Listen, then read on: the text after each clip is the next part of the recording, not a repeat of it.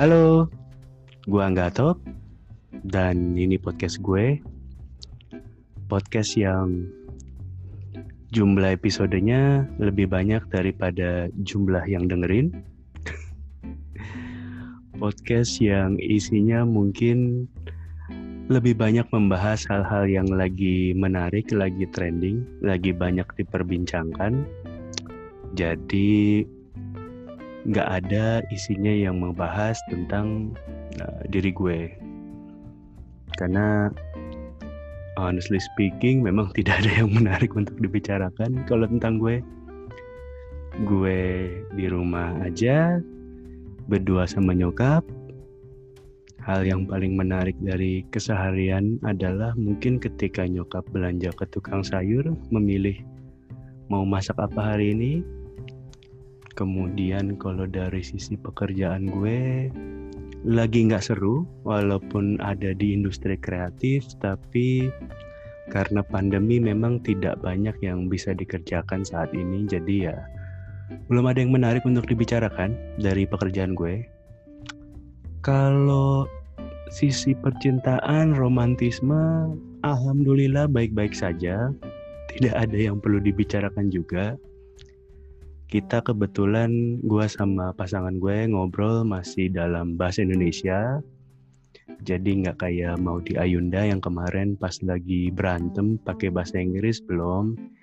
Kita masih pakai bahasa Indonesia dalam percakapan sehari-hari maupun pada saat adu argumen jadi ya kurang estetik kalau kata netizen lagian lu mah ya maksud gue kalau orang bercanda atau orang berantem sekalipun gitu ya mau dalam bahasa apa pun ya tetap aja berantem ya berantem gitu. Nggak ada istilahnya berantem marah-marah jadi keren karena pakai bahasa Inggris gitu. Itu kayak ya kalau isinya nggak keren ya nggak keren aja gitu. Mau pakai bahasa Inggris kayak mau pakai bahasa Jawa atau pakai bahasa Sunda atau bahkan bahasa daerah mana pun kalau isinya keren ya keren gitu jadi nggak ada tuh istilahnya marah-marah kelihatannya keren karena dalam bahasa Inggris gitu. Tapi kalau soal marah-marah, lu udah pada lihat ini belum kemarin uh, ada video rilis udah agak lama sih jadi kayaknya mungkin akhir Juni Pak Presiden kita Pak Joko Widodo uh, melalui Sekretariat Presiden merilis video di YouTube isinya beliau marah marah-marah lah, komplain, protes terhadap para menterinya sendiri. Jadi videonya itu adalah video uh, rapat kabinet. Jadi Pak Jokowi, Pak Wakil Presiden, seluruh menteri dikumpulin dalam satu ruangan. Kemudian Pak Jokowi mengkritisi uh, menegur dengan keras kepada para menterinya. Pak, Pak Presiden dengan bahasanya yang pikiran saya sampai ke mana-mana, uh, kinerjanya biasa-biasa saja, kemudian penyerapan uh, anggaran yang belum uh, optimal, terangkum dalam sebuah video durasinya berapa ya? Gue lupa lah. Tapi intinya di video itu Presiden secara tegas dan keras menegur menteri-menterinya di saat krisis COVID-19 ini, di saat pandemi seperti ini, kinerjanya dianggap belum maksimal, belum optimal untuk uh, kesejahteraan rakyat, kepentingan rakyat. Nah, ngomongin soal uh, kejadian itu ya, Pertama gue pengen bahas mengenai videonya itu sendiri sih. Jadi kalau nggak salah videonya itu dirilis 28 Juni 2020. Sementara apa namanya ke rapat kabinetnya sendiri dilaksanakan tanggal 18 Juni 2020. Artinya ada sekitar uh, 9-10 hari dari rapat hingga videonya dirilis ke publik. Nah biasanya, biasanya nih, gue nggak bilang ini sama ya. Biasanya sepengalaman gue, kalau ada sebuah event, kemudian videonya baru rilis 10 hari kemudian itu biasanya uh, ada yang salah tuh ada yang salah artinya entah editornya kerjanya lambat ya kan? Atau mungkin editornya cepet nih dia ngedit sehari kelar tapi ternyata revisinya banyak banget. Itu sering banget tuh kejadian. Editor gue mah cepet ngerjainnya satu dua hari kelar tapi revisinya bisa berhari-hari berminggu-minggu. Dan setelah revisinya dikembalikan ternyata approvalnya lama atau berlapis ya kan? Kita nggak pernah tahu jadi dari produser dikirim ke klien klien kirim ke bosnya bosnya kirim ke bosnya lagi bosnya kirim ke holding holding kirim ke prinsipal. Nah bisa lama tuh bisa setahun kayaknya baru balik lagi dengan revisi yang baru. Terus balik lagi diedit edit kembalikan lagi ke produser produser balikin lagi ke klien klien kembalikan ke bosnya bosnya kirim ke bosnya lagi dan seterusnya dan seterusnya. Atau ada biasanya kalau memang belum dirilis walaupun videonya udah oke okay, udah approve udah tidak ada revisi lagi udah final udah lock biasanya sih kalau memang ternyata belum rilis adalah ada administrasi yang belum selesai alias si vendor belum dibayar biasanya. Ketika vendor belum dibayar videonya belum bisa dikasih yang high res-nya sehingga belum bisa dirilis. Tapi ya gue rasa hal-hal yang tadi gue omongin jelas tidak mungkin kejadian di uh, sekretariat presiden dong ya dong masa dia pakai pihak ketiga buat ngedit lagi toh kan juga editingnya juga pasti tidak susah dan approvalnya pasti tidak terlalu lama. Iya dong. Tapi ya, gue si gimana ya, Presiden Jokowi ini kan pertama tahun 2014 sama Pak Yusuf Kala. Kemudian dia terpilih lagi di 2019 sama Pak Maruf Amin. Dari sekitar berapa tuh? Kurang lebih eh, lima tahun, enam tahun lah ya, kurang lebih Gua sih agak jarang lihat beliau marah. Artinya paling dari lima tahun, enam tahun ini, bahkan dari mungkin dari beliau dari gubernur DKI, walau wali kota Solo jelas gue kurang ikutin sih pada saat itu ya. Dari beliau gubernur DKI 2012, kemudian sampai sekarang 2020, anggaplah 8 tahun, gue agak kurang inget beliau marah-marah itu sering paling beberapa kali. Nah ketika beliau marah-marah tanggal 18 kemudian videonya dari tanggal 28 ya mungkin beliau ingin menyampaikan sesuatu yang menjadi keresahan beliau keresahan rakyat bahwa memang para menterinya belum bekerja secara optimal mungkin beliau ingin menunjukkan bahwa para menteri sudah ditegur secara internal tapi memang mungkin uh, solusinya atau penyelesaian masalahnya belum optimal sehingga mungkin perlu ditegur secara publik sebagai langkah uh, solusi terakhir dari Pak Jokowi. Karena biasanya buat lo yang ada di sebuah tim, baik lo sebagai karyawan atau mungkin lo bahkan sebagai pimpinannya, ketika misalnya lo ditegur sama bos lo dan jarang kejadian bos lu jarang marah bos lu baik banget tiba-tiba satu hari bos lu negor lu di depan umum di depan publik di depan forum uh, there's there's something wrong with you pasti yang udah parah banget. Mungkin ya karena that's what I do. Kalau memang gua sampai gua negor atau gua marah di depan publik di depan orang rame regarding one person atau several person itu pasti udah parah banget. Artinya sudah ada melalui teguran pertama mungkin teguran kedua mungkin atau teguran keberapa sehingga dia menempuh cara terakhir yaitu negor secara publik ya tapi ini analisis gue ya. Artinya mungkin saja ya kejadian yang sebenarnya tidak seperti itu. Tapi logikanya biasanya ketika lo udah sampai marah-marah di depan publik terhadap sesuatu hal biasanya itu udah solusi terakhir. Dan kalau lo masih tambeng juga ya udah makanya. Jadi kalau apa ya ngomongin keresahan presiden, marah-marahnya presiden, beliau itu marah salah satunya yang ditegur adalah Kementerian Kesehatan. Kenapa Kementerian Kesehatan?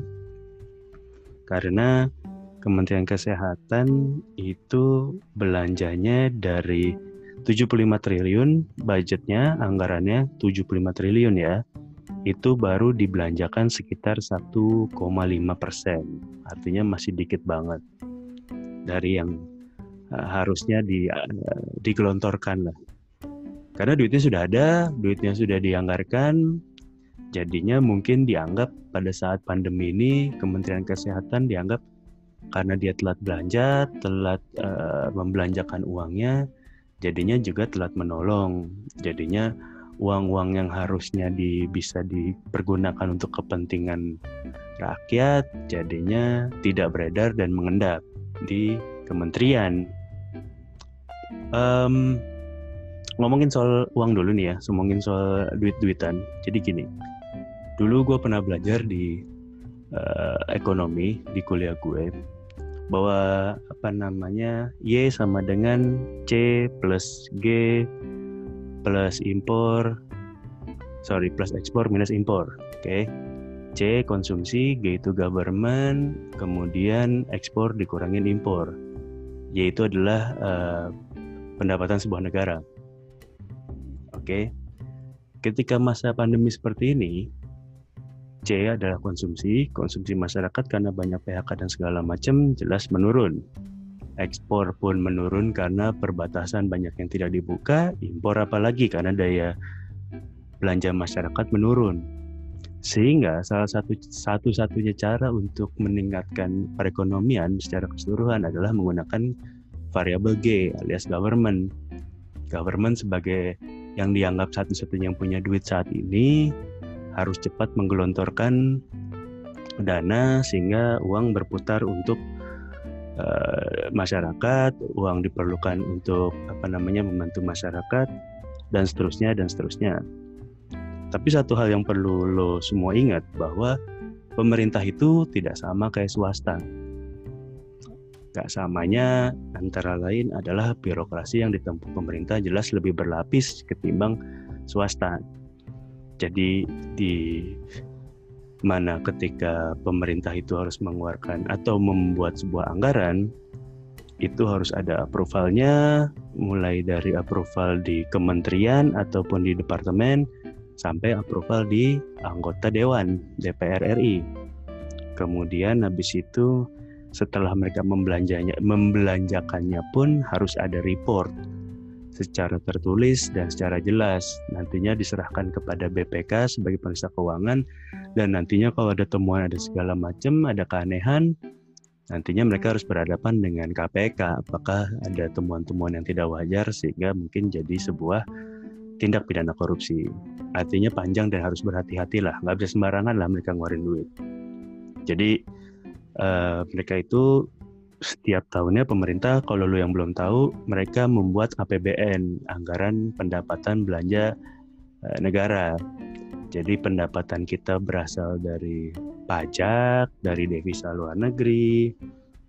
Kemudian belanjanya itu ya dari mulai belanja rutin kayak gaji pegawai. Gaji pegawai itu mulai dari gaji presiden sampai gaji apa namanya uh, staff-staff di departemen, staff-staff apa namanya dari kementerian segala macam. Nah itu di, digodok lewat APBN tuh, termasuk dari pendapatannya dari pajak, dari ekspor, dari devisa negara dan lain-lainnya dan lain-lainnya. Nah, seperti lo tahu COVID ini kan baru ada di bulan katakanlah Januari atau Februari 2020 lah ngetop ngetopnya baru nongol sampai akhirnya masuk ke Indonesia di bulan Maret secara official. Nah, APBN itu dibikin biasanya ketok palu itu sekitar September atau Oktober 2019. Sehingga pada saat APBN itu disahkan oleh DPR pada saat itu, itu belum ada budget untuk penanganan COVID. Oke, okay Jadi makanya departemen atau kementerian-kementerian itu sejak Maret, sejak April dan uh, itu dia mengalihkan budget dari yang mereka tadinya bisa untuk program A jadi untuk program COVID. Yang tadinya untuk apa dialihkan ke COVID. Tapi memang tidak banyak yang bisa mereka perbuat karena begitu APBN disahkan tangan mereka keikat. Uh, pemerintah, kementerian, dan seterusnya itu mereka harus patuh kepada APBN. Jadi kalau memang di APBN itu ditulis harus belanja batu, ya belanja batu dia. Kalau ditulis mesti belanja combro, belanja combro dia. Gak bisa tiba-tiba dia belanja tulisannya belanja batu, jadi belanja singkong gitu. Gak bisa dia. Jadi sebagai analogi mungkin katakanlah lo disuruh sama nyokap lo belanja ke warung, ke Alfamart, ke Indomaret, dikasih uang 100 ribu, ya kan? Lo di 100 ribu itu lo harus beli minyak, lo harus beli apa namanya beras, lo harus beli indomie. Tengah jalan, karena lo naik motor atau lo naik sepeda, ban lo kempes tengah jalan, dan lo harus uh, nambel ban. Nah, ketika lo harus nambah ban dengan uang cuma 100 ribu itu, lo berarti kan harus mengalihkan duit-duit yang tadinya harus belanja beras, harus belanja minyak, harus belanja Indomie, lo alihkan sebagian buat jadi uh, tambal ban dong. Nah itulah di saat lo nelpon ke nyokap lo, lo WhatsApp nyokap lo atau gimana, bolehkah uang ini saya pergunakan untuk tambal ban? Kalau nyokap lo pasti oke, okay, ya nggak apa-apa. Kalau nggak gimana cara lo balik, gimana cara lo belanja. Cuman dengan sisa uang yang ada, apakah ada yang dihilangkan atau dikurangi proporsinya dari minyak, dari beras, dari Indomie tadi itu? Nah itu yang harus didiskusikan. Nah kalau proses lu WhatsApp nyokap lu paling hanya cuma 1-2 menit dibales, proses di DPR, proses dari pemerintah mengajukan perpindahan, pergeseran, atau penambahan biaya untuk penanggulangan COVID, jelas tidak sebentar. Kenapa gue bilang gak sebentar? Dari dia dari dinyatakan pandemi bulan Maret, pemerintah itu akhirnya baru bisa sah punya Perpu nomor 1 tahun 2020 mengenai COVID itu di bulan Mei tanggal 12 Mei 2020 disahkan oleh DPR. Sri Mulyani, Ibu Menteri Keuangan, itu dia mengajukan Perpu nomor 1 tahun 2020 untuk COVID-19 di mana isinya itu untuk penanganan COVID, untuk bantuan sosial, untuk stimulus ekonomi dalam hal ini uh, restrukturisasi atau relaksasi pembayaran kredit UKM, sama untuk antisipasi sistem keuangan. Antisipasi sistem keuangan biasanya untuk mencegah supaya rupiah tidak terlalu terdepresiasi terhadap mata uang asing. Nah, Maret ke Mei ini kan kurang lebih dua bulan ya. Jadi dari dua bulan ini pemerintah memang tidak banyak yang bisa dilakukan karena terbentur dengan sistem birokrasi itu tadi gitu. Tapi ya maksudnya memang ketika pemerintah harusnya menyatakan krisis pada saat itu memang uh, harusnya birokrasi-birokrasi yang ada itu bisa diminimalisir lah.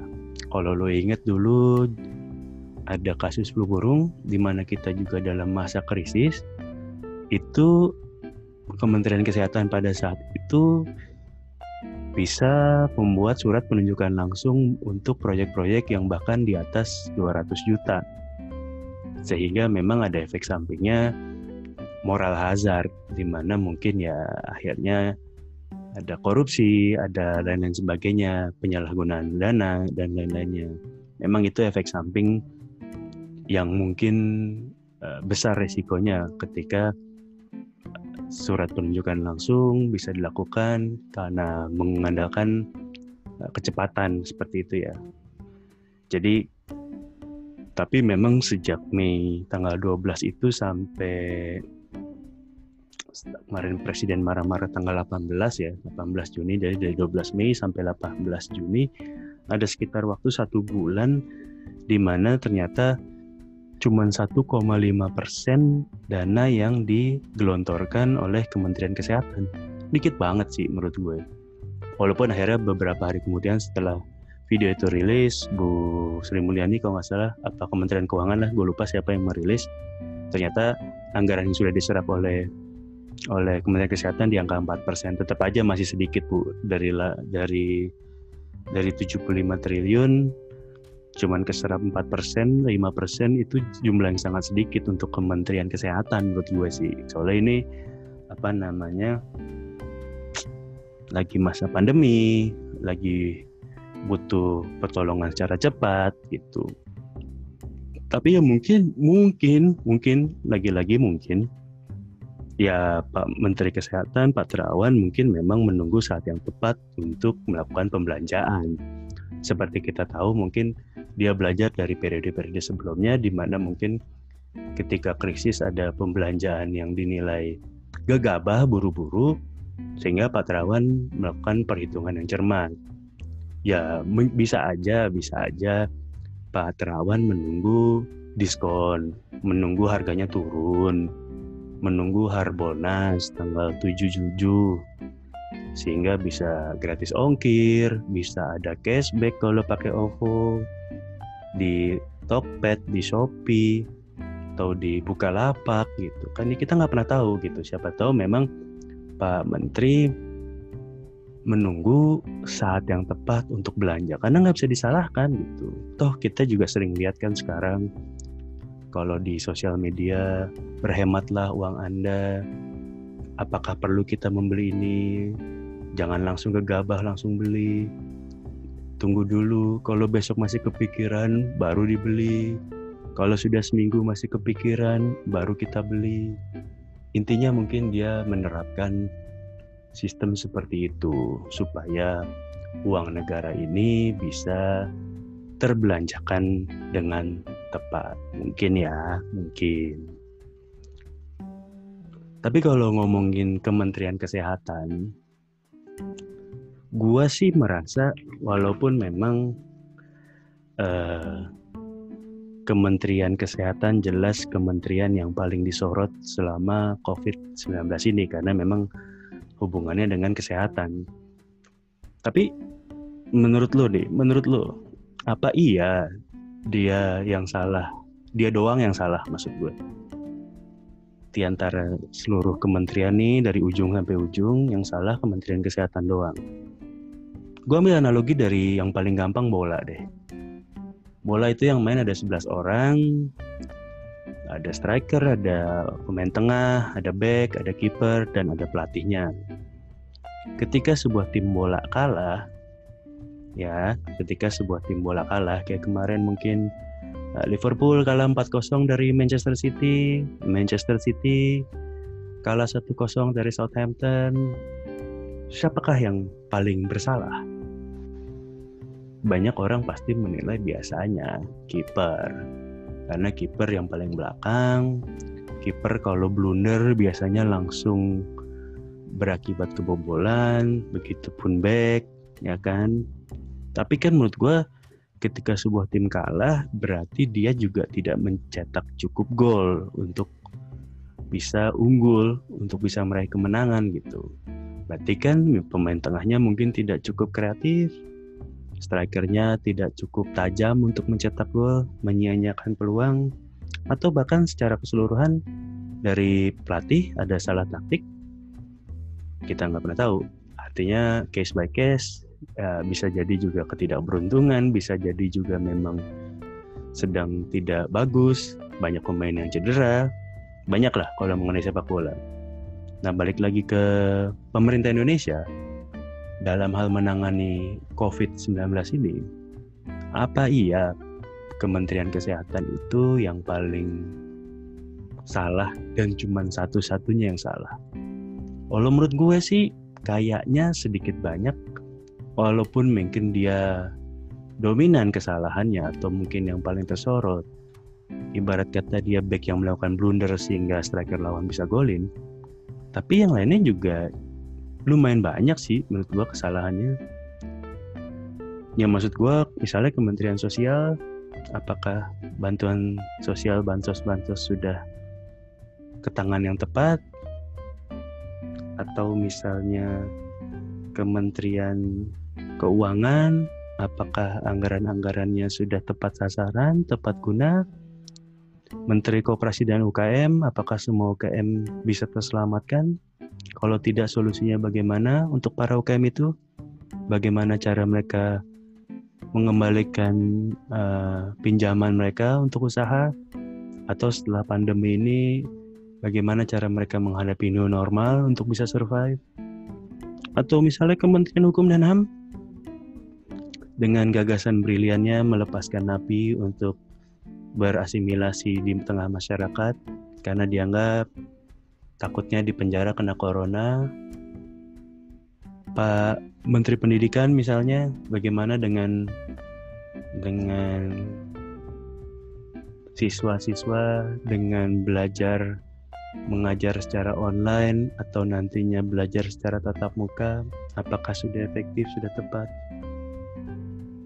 Menteri BUMN, Menteri Ekonomi Pariwisata, Ekonomi Kreatif, Menteri Pariwisata, sudah tepatkah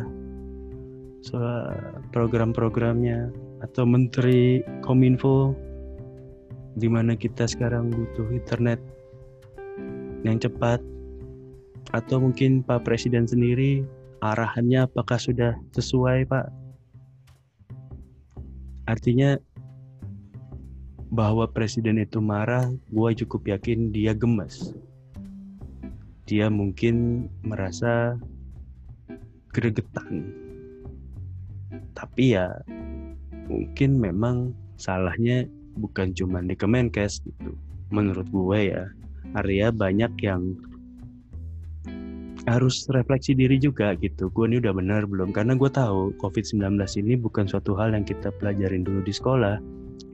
Bahkan para ahli, para pakar pun banyak memperdebatkan karena memang ini sebuah barang baru di mana pendekatan maupun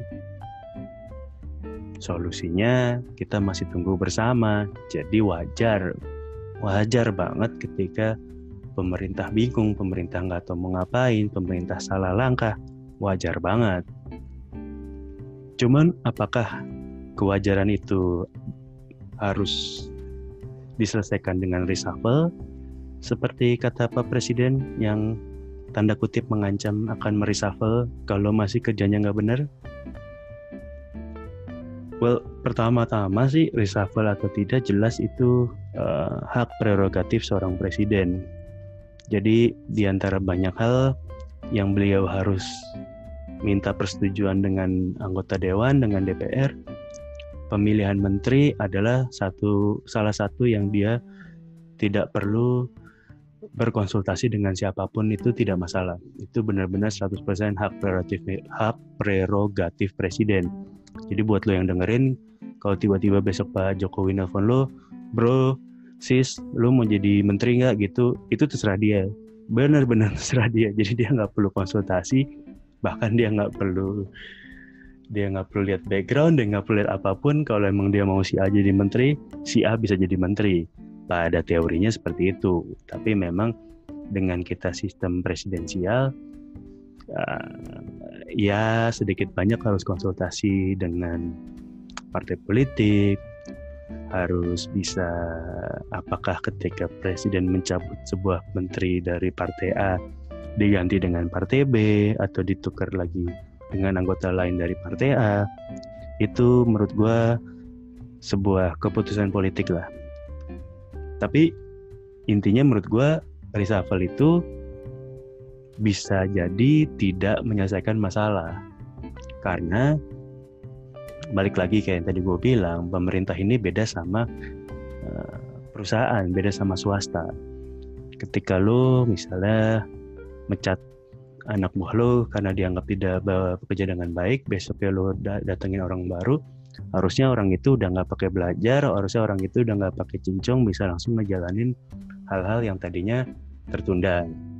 Tapi ketika mungkin seorang menteri diganti menteri lain bisa jadi dari partai yang berbeda ya mungkin aja jadinya perlu adaptasi perlu uh, mengganti birokrasi yang panjang dengan segala macam disposisi mungkin adaptasinya terhadap pemerintahan dan lingkungan sekitarnya seperti apa. Banyaklah menurut gue risiko-risiko yang harus ditempuh ketika lu mereshuffle sebuah uh, menteri. Apakah juga yang mengganti secara kinerja lebih baik secara kemampuan lebih baik? Karena biasanya suka atau tidak suka menteri itu jabatan politik bukan jabatan karir. Meskipun lu bukan dari uh, partai politik. Katakanlah Pak Nadim misalnya atau Pak Erick Thohir yang bukan secara resmi ataupun secara afiliasi dengan partai politik mana pun. Tapi beliau sampai ke sana jelas merupakan sebuah tindakan politik, sebuah posisi politik. Gitu. Dan menurut gua sih juga harusnya ya, harusnya. Menteri itu kayaknya dikasih kayak probation gitu menurut gue. Ya kalau tiga bulan kecepatan sih mungkin enam bulan atau setahun paling lama. Jadi kalau emang lu kacrut ini udah ada yang menggantiin lo ya jadi udah menteri cadangan nih. Anjing itu cadangan enak banget tuh. Jadi kalau emang lu ternyata setahun kacut ini si kampret udah siap gantiin lo ya gitu. Jadi kayak ditakut-takutin. Ya semoga takut sih cuman kan kayaknya sih 90% orang jadi menteri kecuali dia punya ambisi untuk jadi posisi yang lebih tinggi ya. Menurut gua 90% menteri yang ada itu menteri-menteri yang memang nggak takut kehilangan jabatan, menteri-menteri yang sudah punya bisnis, sudah punya pekerjaan, sudah punya karir sebelumnya, jadi ya bisa jadi menteri-menteri ini memang ya tanpa jadi menteri pun nggak masalah gitu menurut gue ya. Karena biasanya kan backgroundnya emang jadi pengusaha dari anggota dewan dari mungkin instansi militer atau kepolisian gitu. Jadi memang menteri ya mungkin buat mereka sudah jabatan final gitu. Tapi gue juga makin hari makin bingung sebenarnya. Bukan cuma presiden yang bingung pemerintah yang bingung. Kalau pemerintah yang bingung rakyatnya makin bingung lah trust me. Maksud gue tiap hari sekarang sudah 1200 1300 bahkan per hari ini tanggal 8 Juli 1800 tambahan kor, uh, pasien positif corona Jakarta sekitar 300 kalau nggak salah. Dari 1800 itu. Artinya apa? Artinya maksud gue somehow grafiknya bukannya makin turun malah makin tinggi. Ya mungkin itu adalah efek samping dari banyaknya tes yang dilakukan. Sehingga sekian jadi dari banyak tes sehingga bisa tahu banyak kasus yang baru Cuman di hari ini pula gue juga baca bahwa bioskop akan dibuka pada tanggal 29 Juli. Dan bioskop salah satu tempat dengan kategori menengah untuk uh, penyebaran virus corona. Kenapa? Karena di ruang tertutup, ketika orang banyak di ruang tertutup, ketika ada satu yang terinfeksi bisa menularkan seluruh yang ada di ruangan tersebut. Nah ini gimana ya? Dulu zamannya corona masih satu, masih dua, masih sepuluh. Kita borong hand sanitizer, kita borong masker, kita borong Indomie. Sekarang pas sudah seharinya 1800 nambahnya, nambahnya ya, bukan totalnya, totalnya udah 68.000 kayaknya. Nambahnya 1800 per hari, kita malah mau buka bioskop gitu. Itu kayak sebuah kontradiktif gitu. Dan terakhir sih gue juga pengen ngomong soal kalung antivirus kalung minyak kayu putih dari Kementerian Pertanian. Aduh Pak Menteri maupun siapa pun yang ngasih ide dan siapa pun yang approve ini semua tolonglah jangan over claim gitu. Maksud gue buat corona kok coba-coba gitu.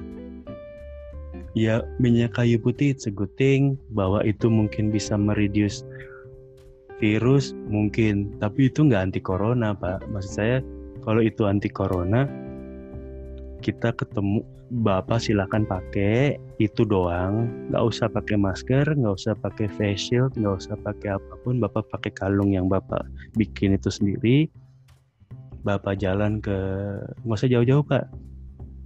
Ke wisma atlet aja. Bapak muter-muter sejam gitu nggak usah pakai apa-apa gitu. Tes aja gitu. Jadi benar-benar kalau emang you survive that ya kita semua akan belilah. Berarti memang kalung itu benar-benar kalung anti corona. Cuman kalau memang tes itu tidak dilakukan ya tolong jangan buat itu sebagai anti corona, bisa menyembuhkan corona, tahan terhadap corona. Karena menurut saya sih ketimbang Bapak bikin kalung itu mungkin lebih baik bikin masker, bikin hand sanitizer yang jelas-jelas bisa lebih efektif dalam melindungi corona. Oke lah, sekian dari gue. Thank you for listening. Have a good day. Enjoy your weekend. Goodbye.